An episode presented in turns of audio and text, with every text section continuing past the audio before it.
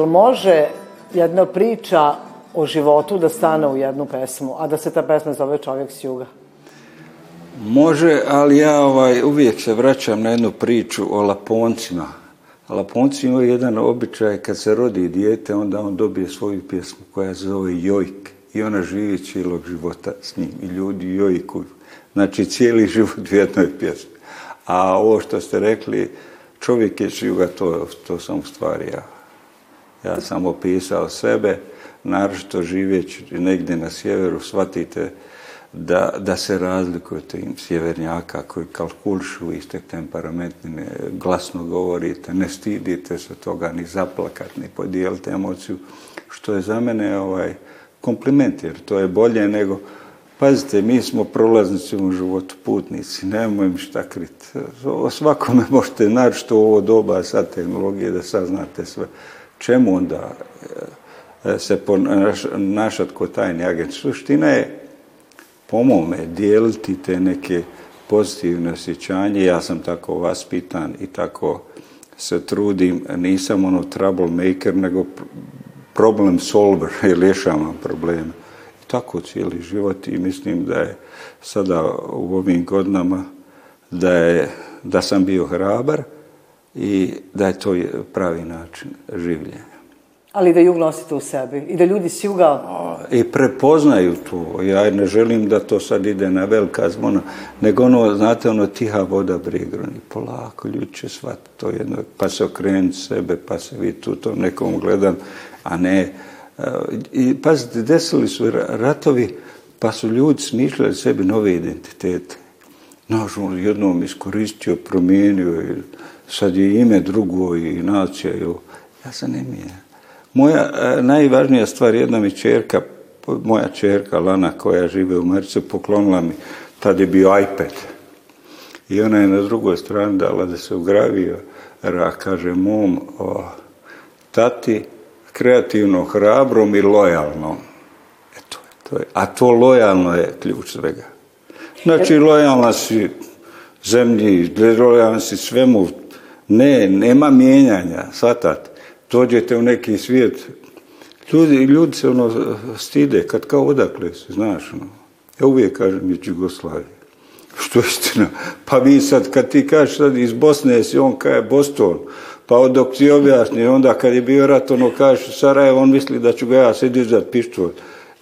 Zvatate, ljudi jednostavno razmišljaju, ne prihvataju te onako kako bi želio. Pa prema tome zašto bi ja dao povod neko, znaš, to Brano, kaže da je postojalo mjesto koje je imao dušu, a duša tog mjesta bili ste vi. Ne kao vrhunski producenti, muzičar, nego kao neko ko zaista je imao tu moć da dušu lampicama, reglerima, ne. tonskim Pazite, to je, to je, morate znat, zna, poznavao sam svoju patnju kako doći do snimka jer nije bilo, kad sam ja počinjao, bio jedan državni studio i onda e, nije sam mogao svako tamo ući. Onda, znajući to, investicija u studiju je bila, shvatao sam sve te ljude koji, koji bi dolazili tu i davao mi šansu na jedan drugi način. Pokušavaju usmjeriti. Ja uvijek kažem, kad bi neko došao ovaj, kod mene da snima, prvi dan bi pričali. Ja volio da pričam, da upoznam dušu tog čovjeka iz razloga što mi prenosimo naše emocije na traku. Ako smo mi kruti ili ne postoji ta neka hemija između e, nas dvoje, nema ništa od toga. Naročito sa ženama je bio to ovaj, taj prv. Juče ovaj, Tifa me zove, pa mu je bio rođendan i ja kaže, nikako da objasnim, kažem, ovo je raj, kako je, kakvu je dušu imao blap.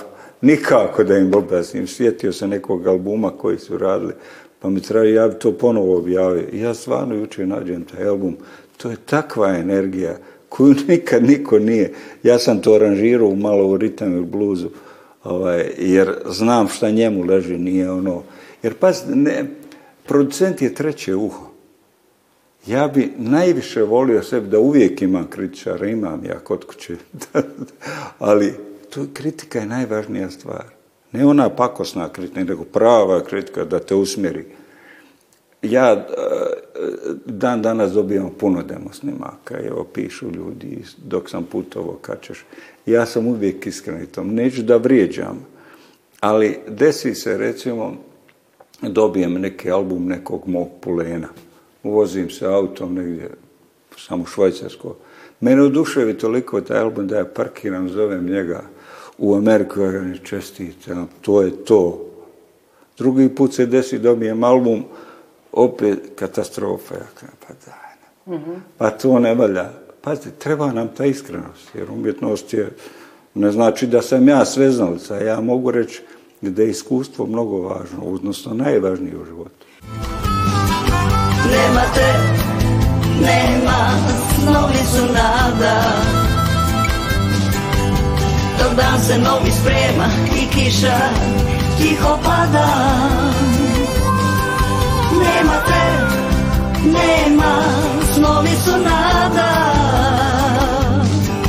A tako, tako sam sama. Kad si kupili mali motorin, što je ta pesma bilo vama važnije i kako ste Đuru naterali i šta znači ona je džig, bu, bu, ja, i, ja i dan danas ne znam šta je. Radi se, to je, e, to je prva pjesma koja je bilo razlog da se ja bavim muzikom. Ja sam bio mali i onda se pojavio neki opatijski festival i vidio sam Marka Novosela kad je pjevao tu poeziju, ja sam se ukočio, to je to. Poslije toga moja učiteljica, odnosno nastavnica muzike, drugi neki osnovne škole, otkriva taj moj talent. I ja počinjem nastupati tako a kapela, pjevajući tu pjesmu od Dušana Jakšića, Juli, Julijana i tako te pjesme. I to je moj početak. I ovaj, kad je Bombaj štampa, oni su dobili nalog da snimaju samo jednu pjesmu, jer su ovi iz diskotone javili se daj da iskinemo. Međutim, ja nisam to rekao, idemo na moj rizik, jer sam prepoznao tu energiju koju su imali oni tada. I kad se završio album, rekao, nema hita, moram imati hit. I onda ja osviram tu aranžman, cijeli, tu pjesmu i kažem njom pjeva, evo ti tekst. Ma ne, neće to, oni, su rockeri, znaš, oni su Rolling Stones i tako dalje. A ove, ja imam prateće vokale, ove cure što pjevaju, reka na početku idemo tiki blue, blue. Šta je to? A to je priča o mom rođaku, jednome koji je bilo zaluđen kao bojima i onda nam je pričao svoj engleski. I to je bio njegov engleski. Izmišljeni. I mi smo to gledali. Ali nam je ostalo u glavi trke čide blue, što znači ništa.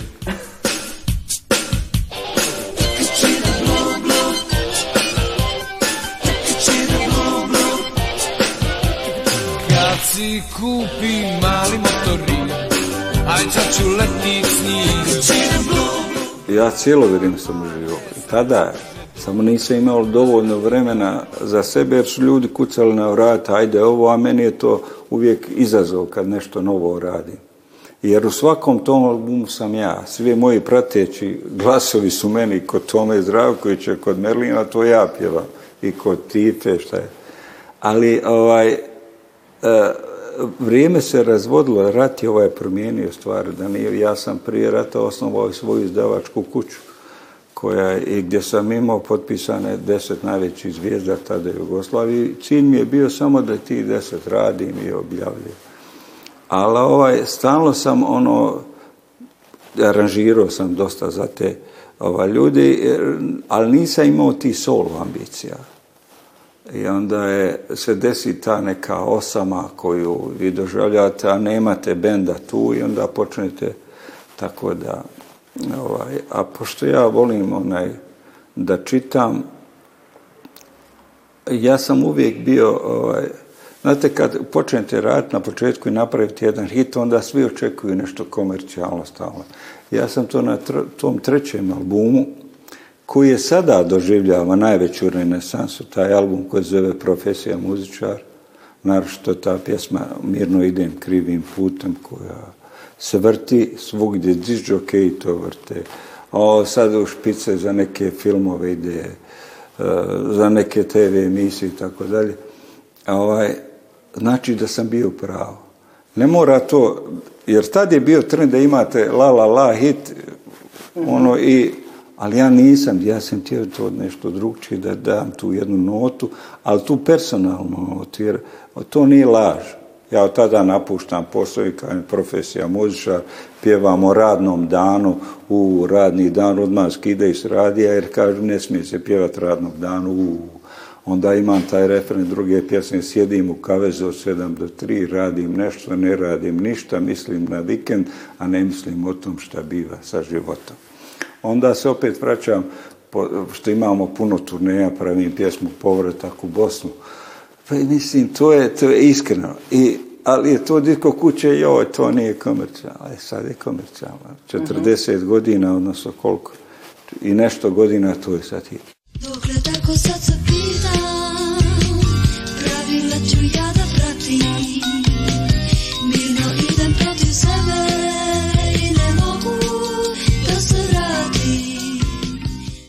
Glavno moje pravilo u životu bilo don't impress, express yourself. Nisam tu da impresioniram, nego da se izrazim. I kad imate tu priliku i sreću da se izrazite, to je najveća sreća. Hoće li to neko privati? Drago mi je da neko kaže, ok, ali ne mase. Ne, da neko koga cijeni da kaže to je.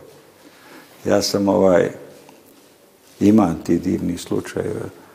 Jednom kad sam završio taj jazz album, to spomenuli ste ga, i šaljem jednom prijatelju koji živi u Vašingtonu, koji je neka fora tamo. I on meni šalje pismo, dragi Brano, sjedim u kancelariji, ovaj, na polju pada kiša, ja slušam tvoj CD uživam. Hvala. E to je... To. To je to. Kada pomislim da prošlo je. Kao san sve nestalo. Nemir budi sjećanje Na dobro vrijeme ljubavi. Kažite mi, Brano, šta je i ko je danas kreativna koalicija? To je 30 ljudi, ja kažem, od Kanade do Australije. Mojih prijatelja ovaj, koje sam ja isprovocirao, koji su talentovani, koji znaju sa riječima i bolje od mene i koji su jedna kritična masa kad se radi jedan projekt, ali ljudi, znate, ovaj, postoje ljudi koji su talentovani, ne znaju izaći, ono, što kaže onaj u jednom intervju Bodo Kovačević iz Indeksa može biti najbolji gitarista na svijetu, a svirat na pustom ostru ako nema interakcije. I onda ja to probudim i onda idem od Kanade gore Blanko Vlačić, pisac i pjesnik. Pa onda imam Josipa Sliška, doktor fizike u Meksiku. Pa onda imam Dragana Todorovića, profesora lijepog pisanja u Engleskoj pa imamo ove dole Hercegovce moje, Sikimića, ovoga, Dangubiće, Tomaše, Abdullah Sidran, Neđada Begovića, Miroslava Pilja, Pecu Popo i tako, 30 uvijek zaboravim, nego moram spisak naći. E ovaj, ali uvijek se, onda ja krenem sa nekom idejom i ja kažem, hajmo da radimo. I onda oni šalju svoje predloge, a nekad me oduševi kao Dragan Todorović kad mi je poslao svoju zbirku koja je jako teška, ovaj, tekstovna i sedam pjesama napravim. I to je, to je album ovaj, koji se zove Ponekad letim. To je vrhunac, ja mislim, to je spoja ovaj, riječi i muzike. Jako sam ponosan na taj album. A i Dragan koji predaje kreativno pisanje u Engleskoj. A, ne, ne upoznajem se ponovo Dragan je moj drug iz vojske, recimo, pa se to sve veze i nemate vremena sad za novo upoznavanje. Previše vam to oduzma vremena. Znate kako ko diše. I ista je priča sa Sidranom, jer on je iz, tu iz moje, u Bosni se kaže, mahale, pa ga znam, on je stariji od mene 10 godina, ali sam ko gimnazijala znao njegovu poeziju koja mi je bila teška, ja to nisam ništa razumio. I onda sam ja izabrao ono što meni sviđa i ja čak od njegove jedne pjesme napravim tri. I on mi dao tu dozvolu. Normalno, kaže, to je to. Tako da, ovaj, recimo, Peci Popović sam je jednog članka njegovog novin, novinskog iskomponovao pjesmu. Uvatina dijelove. Imam taj neki pristup odličan. To mi se dešavalo kad bi radio isto muziku za pozorište, recimo. Ja dođem na prvu probu, ja zapišem, rekao sam sljedeću probu, ima to muziku. Kako? Jer pazite, taj, taj prvi uh, pogled je najvažniji. I u studiju kad pjevate, možete vi biti falš, možda, ali nemate emociju koju osjetite u tom prvom tejku, kako kaže. Tako da je, ovaj, idem uvijek, vjerujem tom prvom utisku. Kre, kre, kre, kre, krede nas, krede nas, žuti krede nas. Taj stil nevi koji ja sad zastupam je, ja ga zovem novi romantizam. To je to kretanje sebi i prenošenje tih emocija na neki način. Jedan moj prijatelj tamo u Americi, inače doktor, pozvao me prije jedno deseta godina da učestvujem u nekom projektu i on u New Orleansu napravio bolnicu samo za muzičare. Besplatno. I mi smo prikupljali, otvorena je ta bolnica. To su ti projekti, jer pazi, te ne možete vi očekivati od nekoga koji je dotaknut nekom rukom od, od ozgova, koji je talentovan, koji ima svoje misli, koji ima, da on bude i pametan, poslovno. To ne možete to očekivati. Na zapadu su to menadžmenti. Vi imate menadžer, imate agenta, ima to. Dok dođete u tu fazi, svi se, on naplati i vama što ostane. I nije to svoje materialističko društvo, a vi imate talentovane ljudi koji nemaju šanse da dođu na tu poziciju. Ovoga puta odustati neću, evo već krećem da nađem sreću. Sila života na ludosti zove i traži pravo na bajku na snove. A da se bavimo novim uspomenama i festivalom kantautora u Trebinju? To je nova stvar koja se događa to od proljeća sljedeće godine. Registrovan je festival Kantarion, znači od Kantare, ali opet Hercegovačka trava, Kantarion, Katarina, što bi moj djed rekao. I ovaj cilj tog festivala da stvorimo nove, kažem, Šobiće, Marijanoviće, Dilane, znači autori koji sami sebe prate izvode svoju muziku, da ogolimo to do kosti, da donesemo tu bez onih efekata, znate, studijski što danas kaže, ona je snimio, kaže, svoj glas 30 puta. Da, jer pazite, gledajte ko danas stvara pjesme. Kad potpišu ljudi ispod jednog hita, to mi ima deset ljudi. Ovo je gru, ovo je bas liniju, ovo je šta smo dobili jedan instant produkt, industrijski produkt. Izgubili smo tu, tu iskrenost koja može kantautor na raščimanoj gitari da je donese, ali da emociju da uhvatimo. E onda kad se to spoji, onda mu da ove neke filtere koje nudi kreativna koalicija. Jer meni su pjesnici jako mnogo značili. Kad sam ja bio mlad, ovaj, pjesnici su bili jako nama važni. Da sad ću vam e, reći jednu situaciju. Ja sam poslao, sam 20 godina, poslao pjesmu na Beogradski sabor. Jedna urbana šansona, zove se Gradska tema s tramvajem. I tad je bio, čini mi se, Brana Crnčević, ja u tome žiriju. I on kaže, molim te, dobra je pjesma, ali daj zovni Duška, Trifuna još da je malo sredi. Ja, Duško, Duško, ispaste dvije riječi, to je to. I to smo dobili. A, ili pjesma Konobar i kuhar Rezonanse gdje ja pjevam refrenu, stekao sam srce koje luta. A Sidran kaže, postao sam srce koje luta. i ljepše. Jest, hvala. Hvala. To je to. E to treba, nenametljivo, znaš, ono, nego da ti neko kaže, ali pita ne danas svi genijalni. Ja sam to mislio, znaš. Jer pazi što se događa. Ovi što su prodali trikove i napravili ove hitove, prvo su krali riječi iz vjerskih knjiga. Je zato što je to najlakše. Zato što su vjerske knjige prošle tu probu. One su prihvaćene. Recimo, ona je pjesma Bonnie M, znaš, in by the rivers of the Bab. Prepisano iz Biblije. Bravo. A ovi naš, da te ne citiram, ovo na- a neću da govorim, e, sve iz Korana, iz Evanđelja, iz ovog. Jer to je provjereno. I ti narodi to u glavi, sad ti naletiš. Znaš, tako da je inače u svijetu uvijek ti ubali, ubace neku tu frazu iz verske knjige i ti sad impresionirate, vi što vam pametan, on pojma nema. Tako da treba kopat po sebi, tražiti nešto, pa naopako. I, I ne prestajete. Ne. A sad moram da se vratim, ako smo počeli, ako sam vas pitala na početku,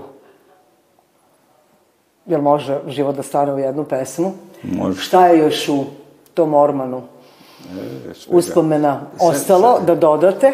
Jel taj orman očkrinjete sve na ja skupljam to, skupljam, kažem to brzo, nema inspiracije. Dok vozim se vamo, dok gledam ove kuće po Novom Sadu, dok razgovaram s vama, ja sam u svom filmu. Sad se sjeti jedne e, situacije, ja sam gimnazijalac, prvi gimnazije, i volimo svi Arsena Dedića, oni hit.